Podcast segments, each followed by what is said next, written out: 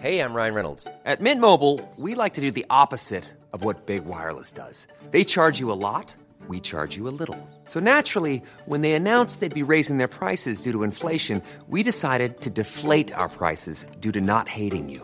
That's right. We're cutting the price of Mint Unlimited from $30 a month to just $15 a month. Give it a try at mintmobile.com slash switch. $45 upfront for three months plus taxes and fees. Promo rate for new customers for limited time. Unlimited more than 40 gigabytes per month. Slows. Full terms at mintmobile.com. Música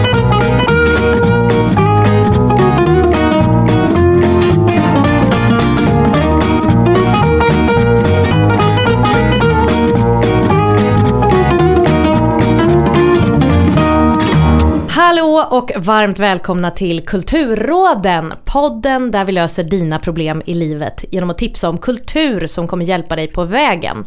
Jag heter Soraya Hashim och här i Nöjesguidens studio där vi sitter har jag sällskap av inga mindre än Cecilia Sohaid Gustafsson. Hej hej! Och inte Palmer Lydebrant. Nej!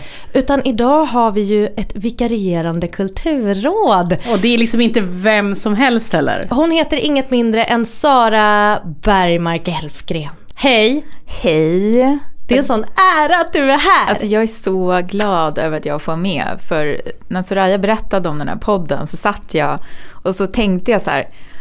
Åh, tänk om jag skulle få vara med i den podden. Det låter så roligt. Men jag sa ingenting. För man vill ju inte tränga sig på. Gud, du är så artig Sara. Ja, men alltså det blir lite så här. Jag, jag, tycker, jag tycker det är svårt att ta för mig i sådana här sammanhang. Man vill inte vara så bulldozerig. Jaha, nej, liksom. det, jag är med. Jag vill vara med. Ja, ja. Ja, men jag tycker det, det är bra. Det är bra att du, att du vågar. Men, men i det här Men fallet du är så... ju liksom en person genomsyrad av vett och etikett. Det har du ju i dig. Alltså så här ändå, du är väldigt bra på att veta, så här, man ska ha med sig något när man går bort. Alltså du är väldigt bra på de grejerna och då förstår jag också att man inte vill vara den här ja då! Ja, ja men visst, så finns det säkert något eh, liksom, trauma från mellanstadiet där i botten också. nej, men, eh, nej men, men, men det här det var ju faktiskt för en gångs skull att det, att det lönade sig att vara en sån här snäll liten prinsessa som satt där och väntade och drömde och så, så frågade här en dag, Sara, vill du vikariera? Det var ju väldigt högt upp på vår önskelista av, för att vi visste att ibland kommer liksom någon av oss inte kunna vara med så vi behöver lite vikarierande kulturråd. Och då var du liksom very high up på den listan. Om det är någon som lyssnar nu och känner så här, "Åh, vänta nu, Sara Bergmark Elfgren, det där namnet känner jag igen men jag vet inte varifrån. Rimligt. Ja men kanske, kanske inte. Men då är jag här för att informera att jo det kan vara från lite var som helst eftersom Saras CV i princip är en pergamentrulle från en Disney-film. Den liksom rullar och rullar och rullar och rullar och rullar ut. Så därför var jag nyfiken på vilket av dina verk som folk oftast brukar associera till dig. Ja, men det är ju cirkeln fortfarande Ja. faktiskt. Fast den kom ut för, eh, ja det är över tio år sedan. Mm. Ett, ja, det- 12 år sedan. Gud, det är helt sinnessjukt. Att det har gått så fort. Ja. Och sen var det ju förstås en trilogi så det kom ju uppföljare så kom en film och sådär. Mm. Men, men det är ju ganska fantastiskt än- ändå. Och att den läses fortfarande av ungdomar. Mm. Det är jättefint. Och vuxna skulle jag Ja. skulle jag säga. Jag är och den som liksom kastar mig på och ville ha liksom, det är så roligt det där med att äga böcker, vi pratade lite grann om det innan. Att jag ville också ha liksom the hard copy. Jag ville inte ha. Utan Nej. jag ville ändå ha de där liksom, Jag har ju så galet dåligt minne också så varje gång en ny kom ut var jag tvungen att läsa liksom den före och även den första. Så att jag liksom, när jag kom till trean då hade jag ju läst ettan tre gånger.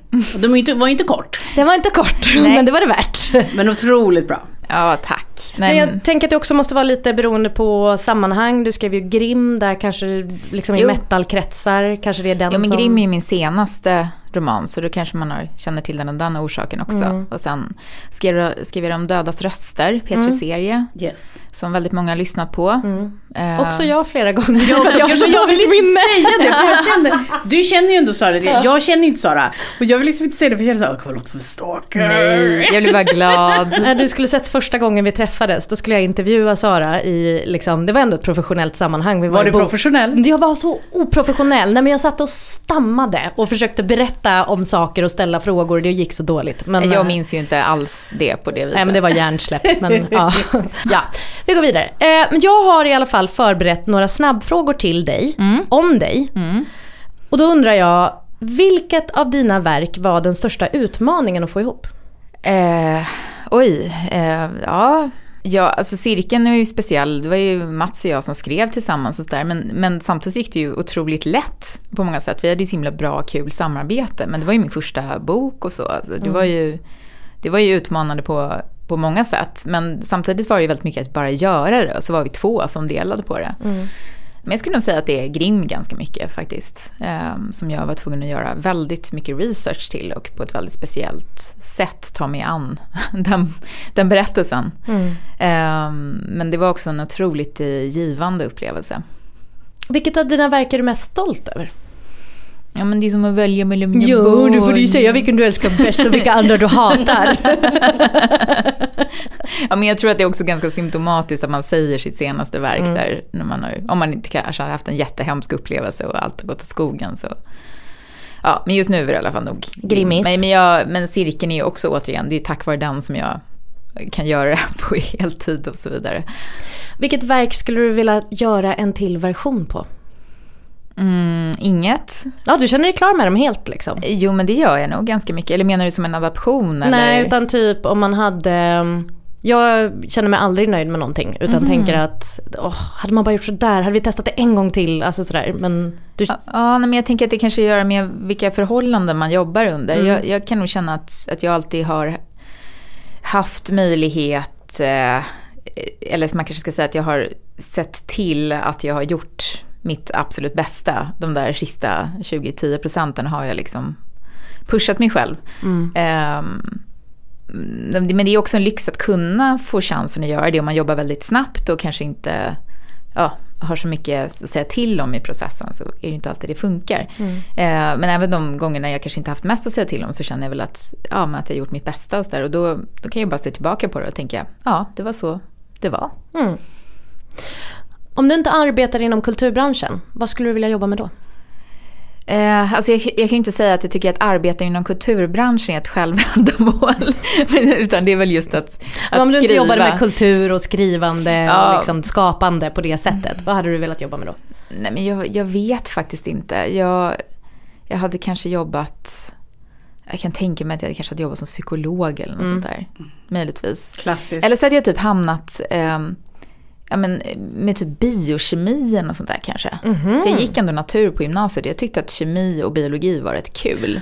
Jag kan, tänka, jag kan se det också för att eh, efter att Du känner den här nu- nördiga- Ja exakt, efter att du känt dig i ungefär eh, fyra minuter. Jag ser att du har en aura av att nörda ner dig. I, men i detaljer, för det kan Ja. man se i dina böcker också. Jo. Du är väldigt noga med detaljer. Så jag kan absolut se dig så här stå på något labb Mm. och så här, nörda ner dig i någon så här ny outbreak. Något nytt zombievirus. Ja, exakt. Ja. Jag är den här eh, vetenskapskvinnan som kommer, ni måste lyssna på Ja, mig. exakt. Det kommer gå åt skogen alltihop. Alla bara, nej lyssna inte på henne. Jag bara, ni måste lyssna. Och sen, Exakt så. ja, då slog jag till micken här också. Vifta. Ja. Okej, sista. Fuck, marry, kill IMDBs topp tre-lista. Alltså Nyckeln till frihet, Gudfadern och The Dark Knight. Okej, ehm, okej, fuck, marry, kill. Ja men, kill the dark knight. För jag är så trött på Christopher Nolan. um, marry, alltså det är så här, ska man gifta sig in i maffian eller i fängelset? Alltså ursäkta? Ja men då tar jag ändå nyckeln till frihet för det slutar ändå lite lyckligt. Aha, vad oväntat. Ja men alltså vad då Gudfadern, herregud det är bara en liksom ändlös cykel av våld och... Tänk vad mycket fina saker. jag. Man har päls. Nej, det, Och räcker, vackra ja, män. det räcker till fuck där tycker jag nog. Ja, det är. Det är sant. Det är sant. Ska vi köra igång med veckans brev? Ja, det kan vi göra. Ett ögonblick.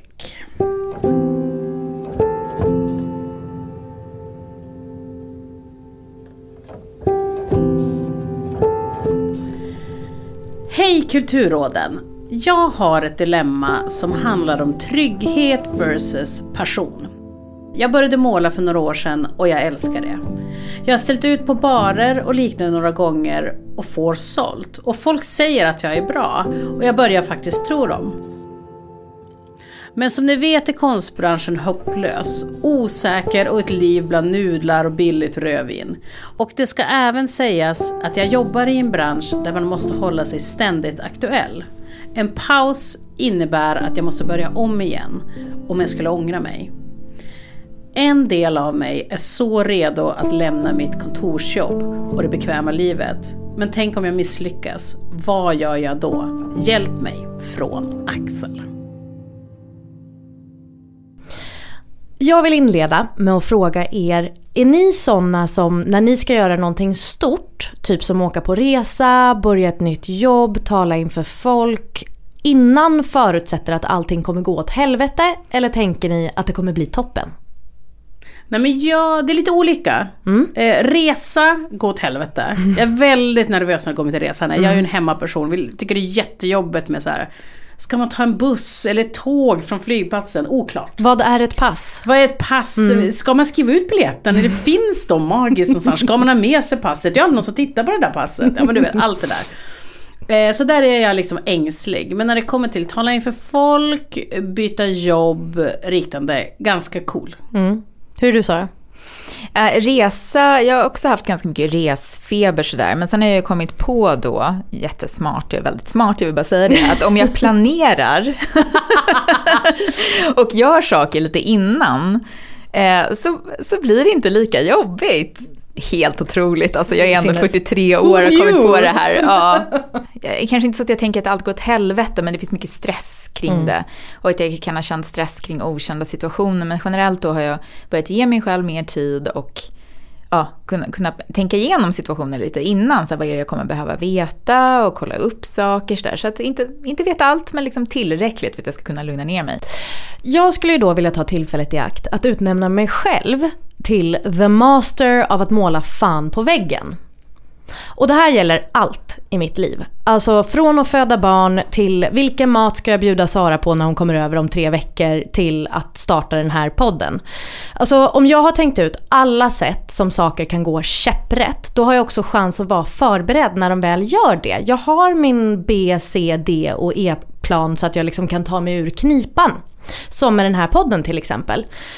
En mer normalt funtad person som kommer på en poddidé, den samlar sitt gäng, den testar att spela in, den lägger ut och ser om det flyger. Det behöver inte vara så himla blodigt. Och själva grejen med podd är ju att det kan gå väldigt snabbt från idé till utförande. Plus att tekniken är ju så utvecklad och användarvänlig nu att du behöver ju inte vara Yngwie Malmsteen för att få ihop lite ljud. Utan det, liksom, det går ganska fort. Men en Soraya Hashim har aldrig hört talas om konceptet inte på blodigt allvar. Det här gillar jag, måste jag säga. Ja, alltså det har ju något. Det, det har också nått. Alltså så här, en sån som hon, och nu talar jag absolut om mig själv i tredje person, varsågoda. Tar nästan ett halvår på sig från idé till att banda första avsnittet. För att hon har planerat för jordens undergång i detalj. Och då handlar det inte ens om saker som så här, kommer folk gilla podden? Kommer de hata mig? Är jag pinsam? Utan det är mer nivån, hur ska jag kompensera Pelle Tamlet på Nöjesguiden när jag larmat på fel och vakten kommer hit och vill döda mig? Eller typ, vilken är den ovanligaste färgen på ett poddomslag? Det blev inte den färgen. Vilken är den? Nu måste jag fråga. Gult tyckte jag var väldigt ovanlig Ja. och smart hade det varit om det hade blivit den. Men nu blev det inte så. För vi, vi satt vid en grön vägg, så det blev en grön. Jag förstår, Ja. jag förstår. En annan sak jag till exempel kan fundera på är hur tänker jag kring citaträtt om jag om ett halvår vill lägga in fyra sekunder ljud om en film vi pratar om. Alltså då i jämförelse med poddar som tjongar ut en halv låt till exempel. Det blir ju ofta jättebra men jag tror inte de har ältat det här beslutet i månader på det Alltså sättet jag, som jag känner gör. mig så trygg måste jag säga. Skönt att du känner jag så! känner verkligen så här, alltså det känns helt lugn. Du har ju tänkt ut allting och har alla svar. Ja, men, jag, men ja, kanske blir det ännu värre då om det går käpprätt för att man liksom hade ju till och med planerat. Ja. Är det ett spontant och det roligaste möjliga sättet att leva ever? Eventuellt inte, men det är den jag är och jag har liksom inte bara lärt mig att acceptera henne utan jag vill hävda att min stil har några fördelar. Till exempel att du som gäst känner dig trygg. Gör Sara trygg. Prickar av. För låt mig berätta om någon som inte är sån. Och det här är en man som på alla vis är min motsats. Vet ni vem Billy McFarland är? Nej, vet inte. Eh, det låter vagt bekant. Ni, ni kommer komma på vem det är. Han är en amerikan i 30-årsåldern. Nu vet jag vem det är. Säg inte. Nej. Han är en amerikan i 30-årsåldern. En entreprenör. Han är en startup bro som andra snubbar inte sällan beskriver som visionary. I've known Billy probably since he was 20 years old, and Billy is an amazing entrepreneur. This is a young kid who figured out how to get these millennials and lock them in. Åh herre min gud. Ni vet typen. Jag vet precis typen. Ni kanske har mött typen? Oh ja, absolut. Inte så, ja, mer när sen när jag flyttade till Stockholm. Ska jag säga. Ja, de är ofta här. De, de, de fanns inte så mycket i Göteborg, men här har jag absolut eh, stött på dem när jag var på Tinder. Här, här pågår de. Här pågår de. När Billy var 22 så startade han sitt tredje företag tror jag som hette Magnesis. Och det här var ett svart kreditkort i metall som låter klonk när du liksom ger det över bardisken. Så du visar att man är rik. Ja, det är rikt. Det kortet riktade sig också till svinrika millennials som fick tillgång till ett community med megarabatter på typ så här Beyoncé-konserter. De hade ett klubbhus med vinprovningar, föreläsningar, middagar, bla bla bla. Klipp till då att folks bokningar av olika event plötsligt ställs in väldigt tätt in på det här eventet och att de inte får ersättning för pengar som de har lagt ut och att kunderna blir allt mer missnöjda. I samma veva så startar Billy en annan startup som heter FIRE. Mm, nu börjar ni komma dit. Ja. Det här är en app där du kan boka kändisar till ditt event. Är du en rik person som kanske är sugen på att Jamie Foxx eller Queen Latifah eller Lil Wayne ska dyka upp på ditt födelsedagskalas så kan du boka dem via den här appen.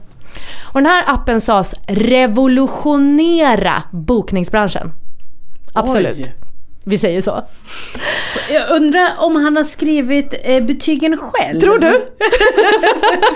om sina appar och Tror du? liknande. Jag anar, jag Ja. anar. Billy tar in rapparen Ja Rule som partner i det här och för att promota appen så bestämmer hon sig för att arrangera en superexklusiv musikfestival på en ö Billy säger sig ha köpt i Bahamas. Och arrangemanget ska då heta Fire Festival. Åh. Festen vi alla önskade vi var på, fast också inte. Jag är jätteglad att vi stannade hemma. Jätteskönt att slippa skulle jag säga. Jag Men vet, så tänk ändå, jag bara säger så här, tänk ändå att ändå säga att man på något vis var på Fire Festival. Det, det har Ja. ju nått den historien. Det är de här Kanske liksom- inte, inte det att man har betalat tusentals kronor för att gå, för då framstår man ju bara som en idiot. Mer sådär... jag var eh, på Bahamas, jag svängde förbi. Exakt! Ja. Jag vill alltså tipsa Axel om att se den här Netflix-dokumentären som heter Fire, the greatest party that never happened. Kanske har han redan sett den, för det var det många som gjorde. Men i så fall är det dags att se om. Ni har sett den gissar jag? Absolut. Eh, jag recappar ändå för den som inte minns eller inte har sett den. Det är december 2016. Plötsligt lägger en massa kända influencers och modeller ut en orange bild på Instagram. Och under så har de skrivit hashtag FIREFESTIVAL. Vi pratar om Kylie Jenner, Bella Hadid, Hailey Baldwin, den nivån. Det kommer också ut en video där flera av de här modellerna struttar runt på en tropisk ö och typ festar, är skitsnygga och kelar med grisar på stranden. Som man gör. Som man gör, alltså jämt, varenda dag. Det här är alltså reklam för Fire Festival som ska hållas om fyra månader på ön som tidigare har ägts av knarkbaronen Pablo Escobar. 95% av biljetterna sålde slut på 48 timmar. Hörde ni att jag sa att festivalen ska vara om fyra månader? Ja. Tror ni att den här visionära startup-kingen har tagit höjd för allting som kan gå åt helvete med att ha en musikfestival på en svinvarm ö utan infrastruktur som ägs av familjen till en knarkbaron? Eh, nej. Nej. Vi pratar alltså om en ö utan el och vatten.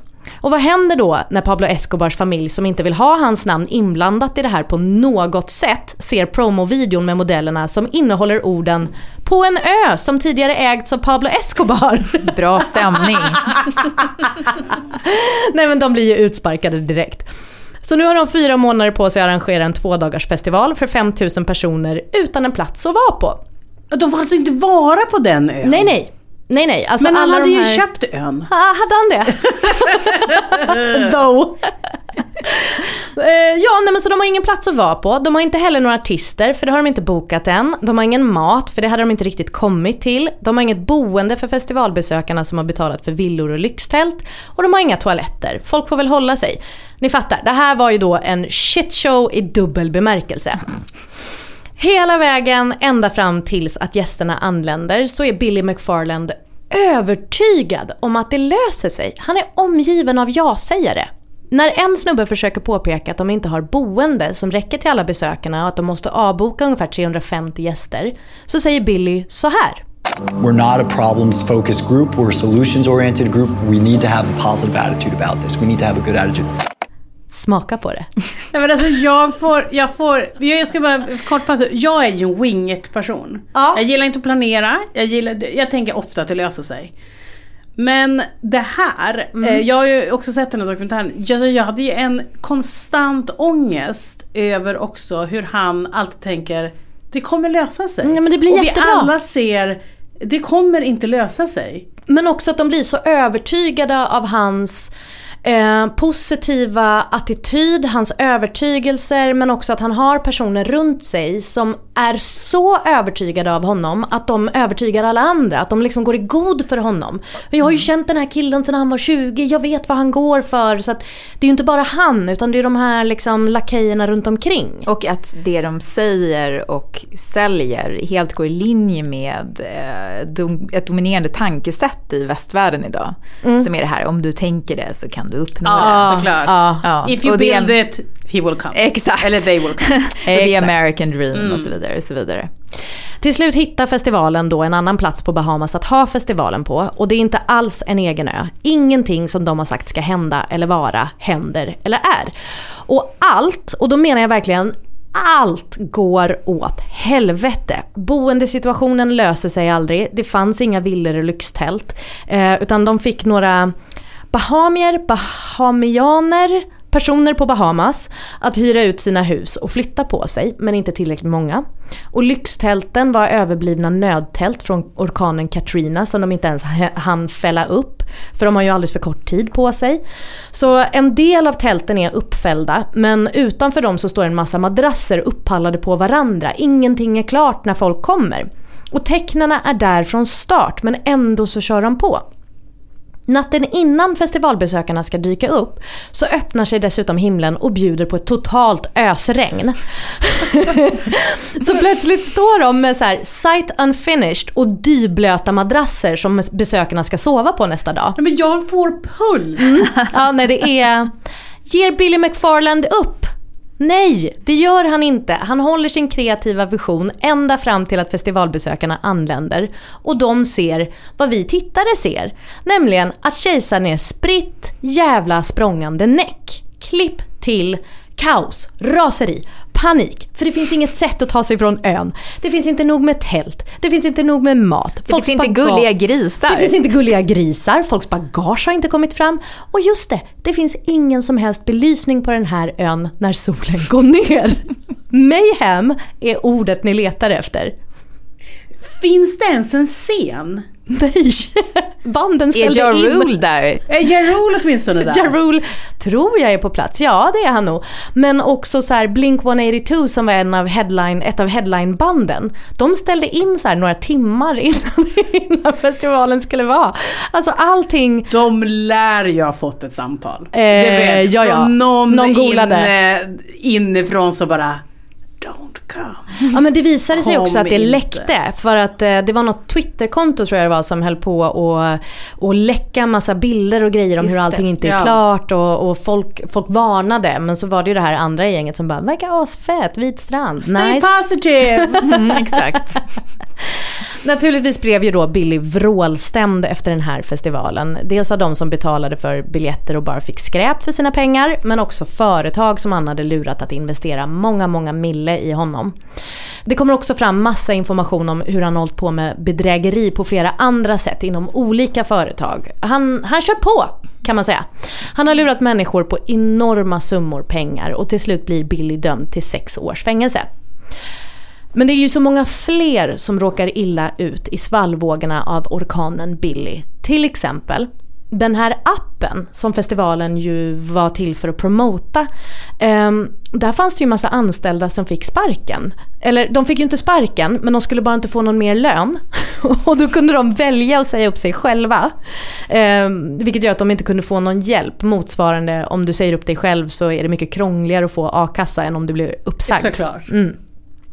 Lokalbefolkningen på Bahamas som hade slitit ihjäl sig i många, många dygn i direkt sol för att få upp den här sajten där festivalen skulle vara. De har inte fått en spänn för sitt arbete.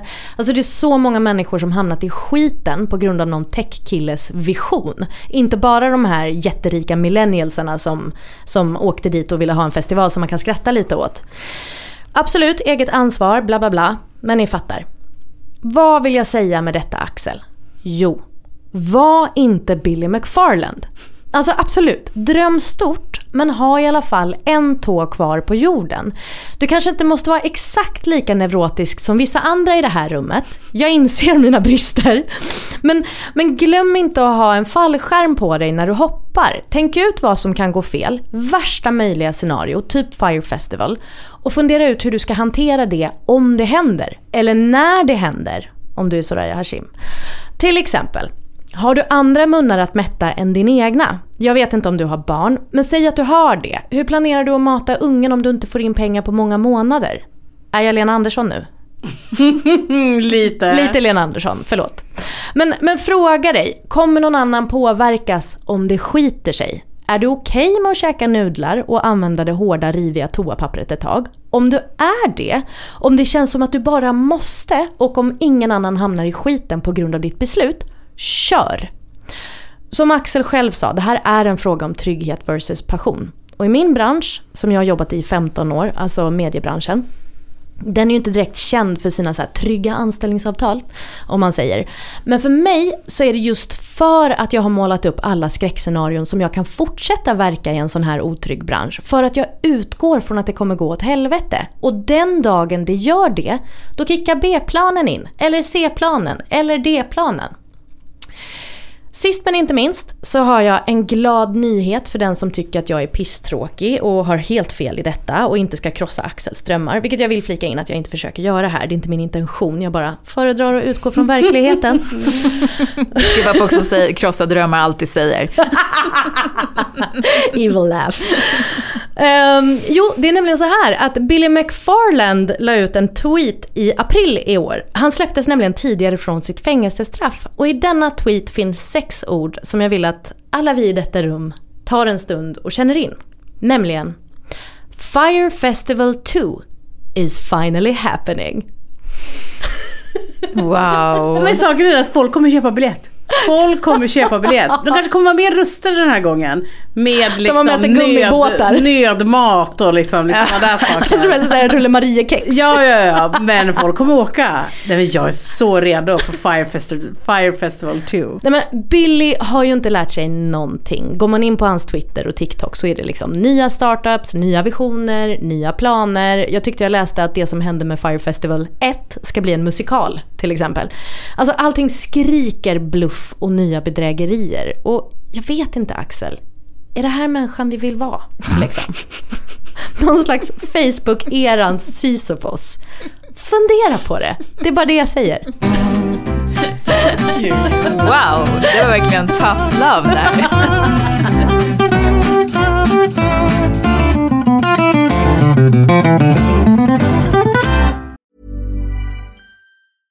Hey, I'm Ryan Reynolds. At Mint Mobile, we like to do the opposite of what Big Wireless does. They charge you a lot, we charge you a little. So naturally, when they announced they'd be raising their prices due to inflation, we decided to deflate our prices due to not hating you. That's right. We're cutting the price of Mint Unlimited from $30 a month to just $15 a month. Give it a try at mintmobile.com slash switch. $45 upfront for three months plus taxes and fees. Promo rate for new customers for limited time. Unlimited more than 40 gigabytes per month. Slows. Full terms at mintmobile.com. Kära Axel, eh, så mycket jag känner med dig och för dig. Jag har varit där du är eh, flera gånger. Eh, till, till skillnad från Suraya så är jag ju av tesen, det löser sig. Jag har aldrig haft ett sparkonto.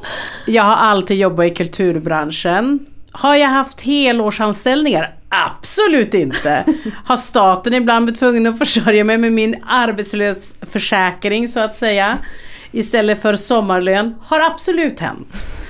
Eh, jag har liksom aldrig planerat. Ibland brukar folk fråga mig, Cecilia kom du in på kulturbranschen? Jag vet inte. Eh, det var någon som frågade mig. Jag också, eh, för länge sedan som folk inte vet, är för länge sedan så jobbade jag på Sveriges Radio, även då tillsammans med Soraya. Det här är många, många år sedan.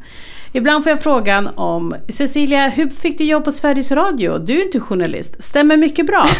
eh, jag fick jobb på Sveriges Radio när jag var full i en bar.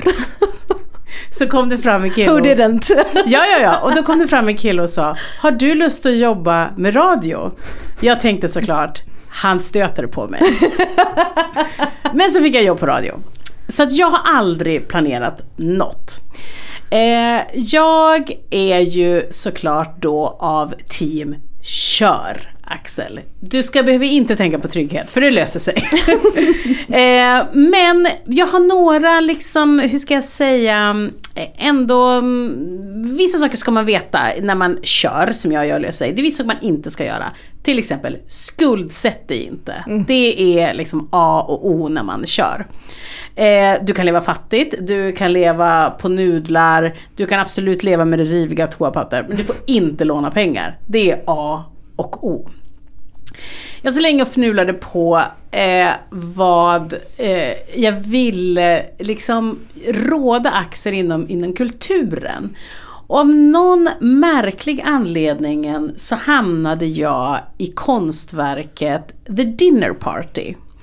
Jag vet inte om någon av er känner till det. Eh, jag tror att man ska vara lite en konstnörd för att känna till det. det Då gör jag inte det. Nej, det är gjort av en konstnär som heter, en amerikansk konstnär som heter Judy Chicago. Hon är född 1939, så att absolut lite till åldern. The Dinner Party består liksom av, det är som en enorm installation som finns på Brooklyn Museum. Och det är liksom ett, eh, tänk er ett middagsbord som står i en jättestor triangel. Så varje sida är nästan 15 meter. Oj. Så ni förstår, alltså det är 15 gånger 3. Det är ett enormt verk. Och det står på ett stort upphöjt kakelgolv. Och det finns eh, 39 stycken platser. Eh, där varje plats har liksom ett kuvert. Det vill säga en löpare, en kniv, en gaffel, en tallrik, en, eh, en keramik som ser ut som ett vinglas. Eh, och på den här liksom lilla tyglöparen är det också broderat ett namn. För det är alltså 39 eh, liksom ikoniska kvinnor genom historien som har en plats på The Dinner Party. Man kan säga att det är världens mäktigaste middag. Och eh, inte nog med på det här eh, bordet som att det finns 39 platser. I den här mittentriangeln, för du förstår ju att om det är 15 gånger 3 så har man ju stort hål i mitten. Där är det också 909, 999 kvinnonamn. Som också, som också är inflytelserika kvinnor som ligger liksom inrispade i golvet. Så det är liksom en, verkligen en så här historiskt monumentalt verk. Och de här borden då symboliserar tre olika perioder i historien och de så man kan liksom hitta allt ifrån nu går, det en riktigt känd namn. Allt ifrån faraon Hatshepsut. Är det någon känner till? Är det rätt uttal? Det kan jag däremot inte ut, uttala mig om. Hatshepsut tror jag det uttalas. Abbedistan Hildegard av Bingen. Kanske någon känner till. Och också konstnären Georgia O'Keeffe. Jag vet. Du ser. Den första bordet då hyllar då de här förhistoriska kvinnorna från romarriket. Därav den här faraon till exempel. Det andra bordet hyllar kvinnor från kristendomens början till reformationen. Och det tredje eh, bordet hyllar kvinnor från den amerikanska revolutionen till feminismens genomslag. Eh, jag tror att den sista eh, liksom, tallriken tror jag är Virginia Woolf. Eh, och så att man kan säga att varje den här tallriken är liksom en representation av en av de här kvinnorna. Så att de första tallrikarna, de är ganska, ligger ganska fla, flackt på bordet, liksom nära bordet. De är otroligt, det här är också 70-tal, verkar säga att verket kom ut 1979. Så att eh, ni kan ju tänka er då att det finns målningar på varje tallrik. Eh, är det en form av en vulva? Ja, eftersom det är ändå 70-talet vi pratar om. Eh, men de är helt otroliga de här tallrikarna. De är så här, väldigt färgglada målat. Varje liksom 39 olika tallrikar. Och de börjar ganska, ligga liksom ganska flackt på bordet, men ju längre runt man kommer bordet desto mer tredimensionellt lyfter tallriken. Både från bordet men också i sin design. Att liksom det här porslinet liksom är som att det växer ut ur tallriken. I decided I wanted the plates to rise up as you moved around the triangular table as a metaphor for liberation. But it isn't just a straight rise. They go up, they go down, they go up, they go down, they go up, they go down, because actually that relates to the currents of history, that it hasn't been a straightforward progress. There have been periods that have been better and worse for women through history. And the rise and fall of the plates chronicles that. And then, of course, with the rise of the international feminist movement in the 19th century, then the plates begin to just develop and develop and develop and start pushing off the plate surface, trying to get off the table. Because after all, women don't belong on a table. Helt otroligt. Alltså, jag säger googla liksom The Dinner Party och jag tror det är Virginia Woolf. Hon är ju sista tallriken så den är ju som högst då. Det är mega fit. Ja men den är liksom, ja, det är, det är alltså en helt otrolig glaskonst. Eh, och den är också skapad utifrån att eh, för den på något sätt ska symbolisera självständigheten genom historien. Att ju mer självständiga de blev, desto mer liksom lyfte de från det här bordet. Helt otroligt konstverk. Och Judy eh, Chicago, eh, hon skapade det här, eh, skapade det här eh, verket när hon satt på en middag. Eh, eller hon liksom kom på det här verket när hon satt på middag och det var ju då att alla som satt vid det här bordet som var män var professorer. Medan alla kvinnorna var doktorander. Och Judy menade att det var liksom kvinnorna som satt på all kunskap. Men det var ändå de som satt tysta medan männen då talade oavbrutet. Chock. Ja, jag, Aldrig jag, med jag, var jättechockad också när jag läste det här. Och hon skriver så fint, hon bara, jag insåg att kvinnor aldrig upplevt Jesu sista måltid, utan bara vanliga middagsinbjudningar. Så hon har verkligen på något sätt skapat liksom en, en liksom monumental den sista måltiden. Och där kom ju då under så här den andra vågens feminism i slutet på 60-talet. Man kan säga den första, första vågen handlar ju mer om liksom, eh, rösträtten medan den andra vågen där handlar det ju mer om eh, eh, fri abort, tillgången till preventivmedel och man började också ifrågasätta de rådande könsrollerna. Jag skulle säga att The Dinner Party idag kanske inte har åldrats det bästa. Eh, ja, men jag skulle säga representationen. Det är ju väldigt mycket så här, vita kvinnor. Eh, och också så här idag. Jag tror att hade man gjort den idag då hade man nog Dels tror jag att den hade blivit mer eh, diverse på sitt sätt och jag tror att man också hade liksom kanske inte snöat in sig på ett kön på det sättet tror jag. Utan jag tror att man hade liksom kanske också använt sig av väldigt så här, spännande personer inom liksom hela liksom trans-communityt och liknande. Men varför då, såklart, varför då rekommenderar jag det dinner party? Nej men för mig är, och det är därför jag liksom vill uppmana, liksom, har man en brinnande känsla och en längtan efter konst så är det ens mänskliga Eh, eh, inte bara rätt utan ens, eh, eh, hjälp mig, eh, Skyldighet. skyldighet att följa den. Därför att konst för mig är liksom ett otroligt viktigt arbete. Det är konsten som driver de samhälleliga frågorna framåt. Jag hävdar också att det, liksom, det är konsten vi ställer de stora frågorna.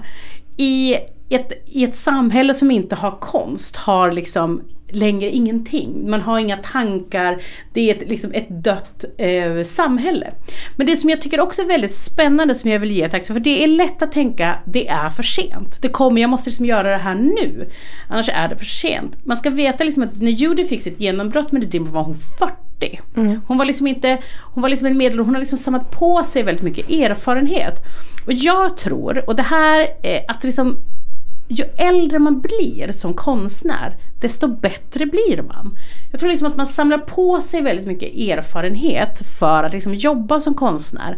Så jag tror liksom att den här stressen som Axel eh, känner, den måste han släppa. Därför att eh, det finns tid och det finns möjlighet när som helst att bli en framstående konstnär. Men allt handlar på att samla de här viktiga erfarenheterna för att kunna göra de här monumentala verken. Eh, jag förstår att liksom det finns en känsla av att hoppar jag av min jobbkarusell så är det kört. Det är en lögn, det kommer inte hända. Eh, utan tvärtom så tror jag att man kommer få perspektiv på att man kanske skulle göra någonting annat. Jag är eh, över 40. Eh, jag har jobbat i kulturbranschen i väldigt många år. Och redan jag tänker att om tio år, nej men då tror jag att det är dags för mig att lämna kulturbranschen. Då tänker jag att någon annan ska ta över och jag ska göra någonting helt annat. Vad ska du göra? Ja, men jag kanske ska bli psykolog eller terapeut. Du kanske ska starta en festival? jag kanske ska starta en festival. Nej, gud, det har jag gjort i mina dagar, så det ska jag inte göra. Nej, men jag ska skola om mig. Och jag ska berätta för dig Axel, att ibland när jag ligger hemma med liksom mejlen, liksom det bara plingar och plingar och plingar och folk vill ha olika saker av mig, då brukar jag tänka att om tio år då kommer jag göra någonting annat. Och det är en tanke som ger mig pirr. Mm. Helt enkelt. Så Axel, det du ska göra är Säg upp dig. Har du inget sparkonto, skit i det. Men du måste göra konst som betyder något. Det är din skyldighet när du ger dig in i konstbranschen. Så jag önskar dig all lycka till och jag önskar att få se kanske en uppdaterad version av The Dinner Party. Jag ångrar allt jag sa.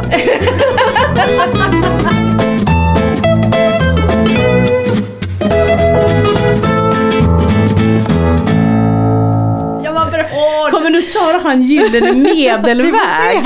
Kanske.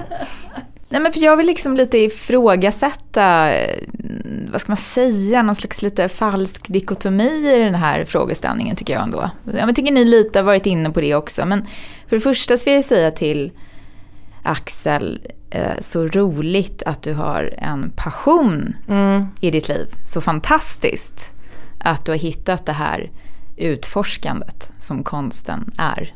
Oavsett i vilken form man ägnar sig åt den så är det ju ett utforskande. Och det är en väldigt spännande resa. För det andra så tycker jag att det låter som att du har ett väldigt stressigt jobb. det låter inte alls harmoniskt. Nej, men jag tänker Jobbar också... i mediebranschen gissar jag. Jag tänker ja, också mediebranschen. 100%. Ja, men det, det, det, det, är inte helt olikt det här med att vara i konstvärlden heller. Eller något konstnärligt yrke, det här med att man måste hålla sig aktuell och mm. på, i någon mån, mer eller mindre, beroende på kanske vilken gren man är inne på. Men jag tänker bara lite så här rent praktiskt. Eh, jag vet inte hur det är att leva som konstnär. Men jag vet att bland Sveriges författare så är det bara 5% som kan leva på att skriva. Oj. Ja. Och jag kan, ja, tuffa mm, siffror ändå. Jag kan tänka mig att siffran bland konstnärer skulle kunna vara ännu lägre. Mm. Mm. Och Ja, hur löser man det här då? För att jag menar inte ens nudlar och billigt rödvin är gratis. Eh, det kan man ju ha en tät faster kanske, som mm. gillar det man gör. Mm. Kan ju säkert hända. Det är alltid fullt. Ja. Man kanske har en partner som har ett eh, vanligt jobb så att säga, tjänar pengar, inte helt ovanligt heller. Stipendier, mm. men då måste man ju ha blivit etablerad för att kunna söka de här stipendierna. Och då är det ju brödjobb vi snackar. Just det. Mm, man måste ha ett jobb för att kunna vara konstnär i de allra flesta fall. Om man inte då har sett till att bygga en plattform som man kan göra på något sätt, någon slags övergång till det här och hålla på med det på heltid. Så jag menar lite bara att det är ju lite av en falsk dikotomi med det här passion versus trygghet, för pengarna måste ju in. Eh, det man kan se det snarare som är ju att vill det så att du vill skapa mer utrymme för att ägna dig åt din konst, då kanske inte det här jobbet som du har just nu som är det du ska ägna dig åt. För det verkar ta mycket tid, tycker jag mig då läsa mellan raderna. Ja. Att det finns en motsättning där, men att det kanske är välbetalt. Man kan spara lite pengar, kanske hitta något annat jobb som man står ut med. I bästa fall kanske något man till och med gillar, eller som känns meningsfullt på något sätt.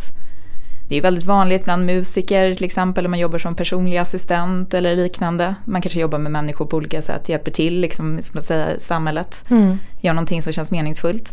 Eller så har skaffat man sig ett bra jobb som man knappt står ut med, kanaliserar sin ilska in i sin konst. Eller en rik kille.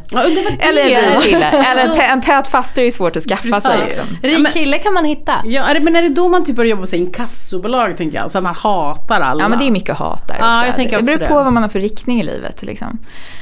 Och konsten. Men jag tänker också så här, vad är målet? Jag tänker det här med att misslyckas, vad är det? Är det misslyckas med att leva på konsten? Är det det du menar då, undrar jag? Det är ju som sagt väldigt få förunnat. Och det är ju lite problem det här med, du pratar om det här med Cecilia, med att ägna sig åt konsten. Jo, absolut. Men det kan ju man göra och göra någonting samtidigt. Men det är också det här med att man behöver tid för att göra det, för att bli bättre. Och för att tid det har ju lika med pengar och då måste man skapa sig det här utrymmet. Man kan inte lägga sin tid på någonting annat. Och sen går det ju också ihop det här med att få tid att ägna sig åt det. Att, att man då ofta det blir lättare då man är framgångsrik och man är populär och man är omtyckt. Och, och det är ju alltid lite av en så här motsägelse också på något sätt med konstnärligt yrke. Att man gör det ju för sin egen skull. Man vill ju uttrycka någonting men när man säger att man uttrycker någonting så finns det ju också en mottagare. Man vill ju att någon ska ta del av det man gör gärna också. Mm. Annars sitter man ju bara hemma och Och måla på väggarna. ja, målar på väggarna kanske. Mm. Det kan man ju också göra. Eh, Det finns ju många spännande konstnärer som har arbetat så. Mm. Eh, Och som sen blivit upptäckta efter sin död och så vidare. Men man Eh. kanske inte behöver säga upp sig från sitt mediejobb för att göra det. Nej, nej men precis. Ja, men det verkar inte som att Ax- Axel verkar vilja ha någon slags kommunikation Ja. eh, i det han gör. Och så finns ju den här drömmen då, det rent materiella och det här liksom statusmässiga, vara en framgångsrik konstnär och tjäna pengar. Och, men då är det ju det här med glädjen i själva skapandet, hur skapandet i sig skapar mening. Det kan vara lätt att tappa bort i det här, tänker jag. Och då kommer mitt råd, mitt tips. Och det är också en dokumentär. Den är från 1999. Och den är märkligt nog gjord av samma regissör som eh, Fire. Nej! Nämligen Chris Smith. Och filmen heter American Movie. Ni ser ut som två frågetecken. Nej men jag känner igen det men jag har inte sett det men jag känner att åh, ännu, en, ännu en grej jag måste se. Det googlas nu. American Movie kom ut 1999 som sagt och den är skapad av Chris Smith och Sarah Price. Den vann stora jurypriset i- vid Sundance-festivalen. Den här filmen handlar då om Mark Borchardt, tror jag man uttalar det. Och han bor i Wisconsin och han är omkring 30 och han är filmskapare. Han har en stor film som han vill göra som heter Northwestern. Men det är väldigt besvärligt att försöka få den här filmen gjord. Han har inga pengar, tvärtom han är djupt skuldsatt. Han bor i sin mammas källare. Han har tre barn. Eh, han har konflikt med sin ex-tjej. Ehm, ja, det finns liksom inte så jättemånga möjligheter runt omkring honom helt enkelt. Och så får man följa honom och hans eh, människorna runt omkring honom i det här lilla samhället. Som hans eh, farbror Bill till exempel som är en ganska bitter gubbe som bor i en trailer. Eh, hans bästa kompis Mike som numera är nykter missbrukare men har ja, ganska tydligt märkt kan man säga av sitt tidigare liv men som en underbar, eh, verkligen en underbar karaktär. Jag ska inte säga män som är, men han är verkligen det. Ehm, och, och hur de här människorna interagerar med varandra och runt omkring då Mark och hans stora dröm om att bli filmskapare. Och det här är inte en sån där film tycker jag, där man följer lite udda personer och skrattar åt dem. Utan att den är verkligen gjord med hjärta. Och att jag tycker att man som kreativ person eller någon, som någon som bara drömt om något överhuvudtaget verkligen kan spegla sig i den här historien om Mark. Och hans försök att, han, han vill göra Northwestern men för att göra den så kommer han på att han ska färdigställa en lite kortare film mot att göra en genrefilm då som heter eh, Coven, fast han uttalar det Coven. Det är mycket diskussion i filmen om hur man uttalar det. Men det är, men det är då att han ska färdigställa Coven, så säger det på hans sätt. Eh, för att han då ska kunna finansiera Northwestern. Coven relates to Northwestern in, in this sense. If I don't go into the black with Coven, if I don't make money back off of Coven, how the hell am I going to make Northwestern? I've got to make money back on Coven. Får man veta vad Northwestern ska handla om? Ja, det, den verkar vara ganska baserad på hans eget liv. Okej. Lite mer så här drama, realistisk, ganska gritty. Han vill eh, filma på riktig film till exempel. Och han har, han har liksom väldigt bestämda idéer om hur man vill göra det. Men han är också väldigt han reflekterar också mycket över sig själv och hur han ser på sig själv och är han ett misslyckande eller inte. Han jobbar på kyrkogården med att klippa gräs och skotta snö och städa och sådär. Och han måste ju göra det här för sina pengar men han vill ju inte släppa den här drömmen om att göra filmen. Och, Så just film är ju ganska speciellt när det är de här drömmarna för det innebär ju alltid att väldigt många andra människor blir indragna i den här galenskapen. och det är alltid någon slags galenskap i att göra film oavsett vilken nivå man gör det på. Eh, Men det finns ju också något väldigt härligt med just det här också hur eh, han entusiasmerar de här personerna runt omkring sig att hålla på med det här projektet med honom. But check it out, Mike. Now, do you know about the placement of the scarecrows? What they're doing here? Like, one's got to be like on this angle, and then the other one's going to be on the other angle. And check it out when you look at the scarecrows. Do you see? Do you, I mean, do you get it? Yeah. Okay. Och jag tycker också att han på något sätt förkroppsligar lite det här eh, lite dilemmat också. Vad är, vad är det egentligen som, som, som gör att Mark vill göra film? Han pratar delvis om att han ser framför sig att han ska bli eh, rik och framgångsrik. Men samtidigt är det så otroligt tydligt att han gör det för att han älskar att göra film och det är så jäkla viktigt för honom. Det finns en scen till exempel när någon frågar om inledningen på Northwestern eller om de kan få något synopsis tror jag. Och då börjar han berätta om inledningen, han målar upp någon bild av man ser det här och jag vet precis hur det ska se ut och jag hittar platsen, jag vet hur det ska se ut. Och när man ser det här så sitter man där och så tänker man, jag är så glad att jag är här för att äntligen ser jag någonting. Och det, och det anspråket, det är fantastiskt. Ja. Men också den passionen. Och jag tänker att man blir väldigt påmind om det när man ser American Movie. Vad det är egentligen som är det väsentliga i skapandet. Att det är just det där. Jag tycker inte man får tappa bort det när man börjar fundera kring den här situationen då. Eller specifikt du då, Axel. Jag tycker inte du ska tappa bort det. Utan att mer fundera på varför du vill hålla på med konst. Och eh, vilken plats du vill att det ska ta i ditt liv och på vilket sätt.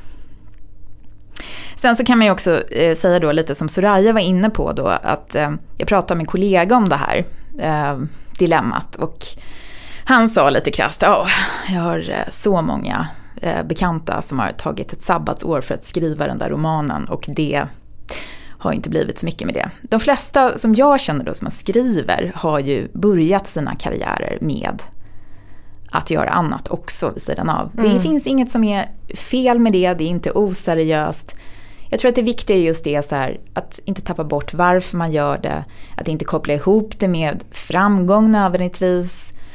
Eh, att inte koppla ihop det med eh, status och det materiella och så vidare. Det är klart att det är komplicerat. Ja, hur gör man det? För jag tänker att det liksom är en sån stor del av, eh, kanske inte bara samtiden, det kanske alltid har varit så, men just att man, man kopplar ihop statusen med, jag tänker att så många människor blandar ihop det där med vem jag är, är vad jag gör. Mm. Jo men verkligen och jag tänker just det här med att vara författare då.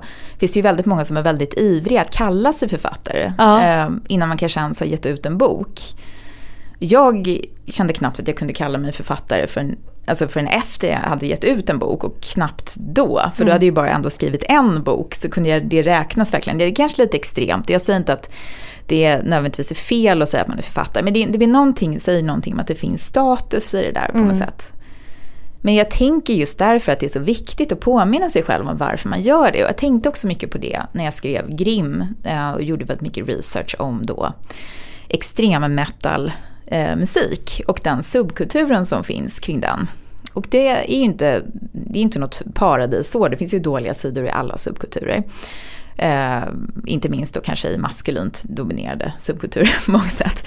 Men, men, eh, men samtidigt så finns det ju någonting så jäkla fint i det där med tape trading till exempel som, som man höll på med på 80-talet och bytte kassetter och fanzine och skickade brev till varandra. Där pågår ju fortfarande att det det märkte jag när jag gav ut Grim, att det var ju folk som hörde av sig och sa så här, men vill du byta, jag är musiker, vill du byta bok mot skiva till exempel? Och jag tyckte bara att det var så jäkla fint. Jättefint. Det finns många olika sätt att skapa mening eh, kring det man skapar. Ja. Och det är kanske inte nödvändigtvis ut i rampljuset man ska. Och det är kanske inte där man kommer känna att man får ut mest av det heller. Det kan också vara så att man får ut jättemycket glädje av att göra koven i Wisconsin.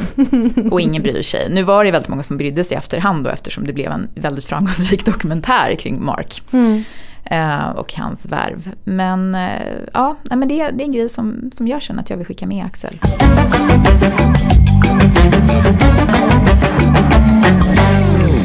Jag har ju en fråga då, eftersom du jobbar ju som verksam författare. Eh, för jag tänker ju att liksom när man jobbar, det kan jag ju märka som jobbar, jag, jag står ju inte på scen eller så, men jag jobbar i branschen. Att det kan finnas en idé om, en romantisk idé om att jobba eh, på det sättet. Att man, nu, nu hittar jag verkligen på. Men man så vaknar upp, man skriver lite grann. Man kanske går till någon bar, träffar någon vän, kommer hem, skriver lite mer. Alla jag känner som har liksom jobbat, eller ändå liksom har yrkeförfattare, eller vad Ja. man ska säga. Nej men de går ju på klockan. Alltså, alltså jobbar praktiskt taget så här, jag kliver upp, jag äter frukost, jag går till mitt, antingen där jag sätter mig och skriver eller så, klockan nio. Så skriver jag fram till lunch, sen äter jag lunch och sen skriver jag det är inte alls så där romantiskt som jag tror att man kanske kan se, tror det utifrån. Ja, nej, man ska ju kanske separera vara författare med liksom att vara ledig. Till exempel. För det är man aldrig, Nej. skulle jag säga. Du vet Soraya som har känt mig i x antal år nu. Jobb, jobbar jag jättemycket Soraya? Nej men det, är du går ju in i liksom världar och så ibland får man liksom dra upp dig lite ur den världen och titta på dig och så här Ho! Och så, och så är det, det bara pågår i skallen på dig. Det, det är inte bara det där liksom att du sitter, det, det faktiska, fysiska skrivandet. Utan det är allt det där andra som också ska läsas på. Människor som ska mötas, tankar som ska tänkas. Och eh, när man är sådär noggrann som du är, som vi pratade om tidigare också, det, eh, noggrann med detaljer, det är ju inget slarv. Så gör det ju också att, att det blir väl, att det går ju väldigt in i det liksom. Ja, och jag har jobbat extremt mycket sen jag började jobba med det på heltid. Det har Ja. ju verkligen varit, eh, jag, jag, det var någon gång där en eh, vän och kollega till mig, jag sa att jag ska nog bara jobba halvdag idag och då sa hon så här, men nu menar du att du ska jobba en hel dag, för du menar att du inte ska jobba på kvällen också. Och jag sa, mm, det var inte sunt tänkt. Eh, nej, sa hon, det, det var det inte. Eh, och eh, man kan skratta åt det och eh, jag gör det också, jag vill inte romantisera att jobba sådär mycket. Jag, ser, jag har ju också sett det väldigt mycket som ett privilegium att jobba, kunna jobba med det som jag älskar och jobba, att jobba så mycket. Och jag har valt att göra många olika saker för man får chansen och man är glad över det och man hoppar på olika saker och så. Jag försöker väl hitta lite mer balans i livet nu. Men jag tänker att det är ju också så här eh, om, om man jobbar med någonting konstnärligt, alla har väl inte heller samma process. Det här är din Nej, process. alla är liksom. väldigt olika skulle jag säga. Och eh, det finns nog folk som är lite mer sådär, eh, ja, Slarvar. Eller inte, Inte slarvar, slarvar, men, men, eh, alltså är lite mer loose kanske i sin Ja. planering. Ja, nej, men precis. Och de kanske har möjlighet att vara Mm. det också. Eh, Men är de bra, själv. undrar jag. Men det kanske tar nio år att skriva en bok. Precis. Också.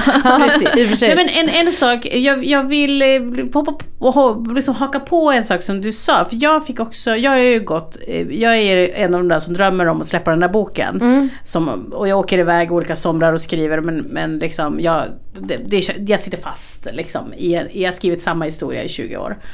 Ehm, och eh, men då fick jag ett jätte, jag har gått skrivarlinje och då fick jag ett jättebra tips från en eh, som var föreläsare, som var författare. Som sa, precis som du sa, att det är väldigt få förunnat att kunna ägna sig bara åt skrivande. Men Hon sa så här, men de perioderna när jag skrev som bäst, var när jag hade ett jobb som jag aldrig tog med mig hem i tankarna. Mm. Och som det låter som med Axel tänker jag att vi, nu har vi ju hittat på lite när han jobbar i media eller kanske reklambranschen Mm. där det är liksom ganska mycket. Då tror jag att det är svårt att hitta personen att, att måla som, som han gör. Utan det hon sa att när hon jobbade på posten och Mm. sorterade brev. Då hade hon som mest ork att skriva. För att liksom, hon gjorde en monotont, någonting väldigt monotont. Och, och hade fortfarande en, hon tog aldrig med sig tankarna hem. Typ såhär, åh ska jag skriva det där mejlet eller nu har jag glömt den där deadlinen och så vidare. Utan det var liksom samma dag ut och in. Så då hade hon fortfarande energi att kunna skriva. Eh, och det tänker jag ofta på. Väldigt många hårdrockare som har jobbat på posten vill jag bara tillägga. Mm. Det är Posten making music happen. Ja, verkligen, det kan jag tänka mig. Jag har också jobbat på posten. Det, det har något. Det är lite av ett drömjobb för mig. Stå och sortera grejer. Det är säkert mycket värre nu som överallt annars. Det är mycket Ja. stressigare om man får gå på toaletten säkert. Ja. Såklart, såklart. Men, men, men eh, om du inte bara vill kasta det ut som du gör med mig så kan ett tips vara posten. Om du inte vill leva ett tråkigt liv som jag rekommenderar. Så posten. Det vill säga min väg kan man då Ja, säga. jag känner att du vann. Du vann. Jag ångrar allt, jag tar tillbaka allt. Tack så jättemycket Sara för att du ville vara med i vår podd. Tack så jättemycket för att jag fick Tusen komma. tack. Och kom gärna tillbaka igen. Ja, Tack, det gör jag hemskt gärna. Yay! Om du som lyssnar också har en fråga som du vill ha svar på så kan du mejla oss på kulturraden gmail.com. Och eh, tack snälla Nöjesguiden för att vi får sitta här. Jag kanske inte vet hur man larmar på men då får väl vakten komma och ta mig. Vi ses nästa vecka. Ja!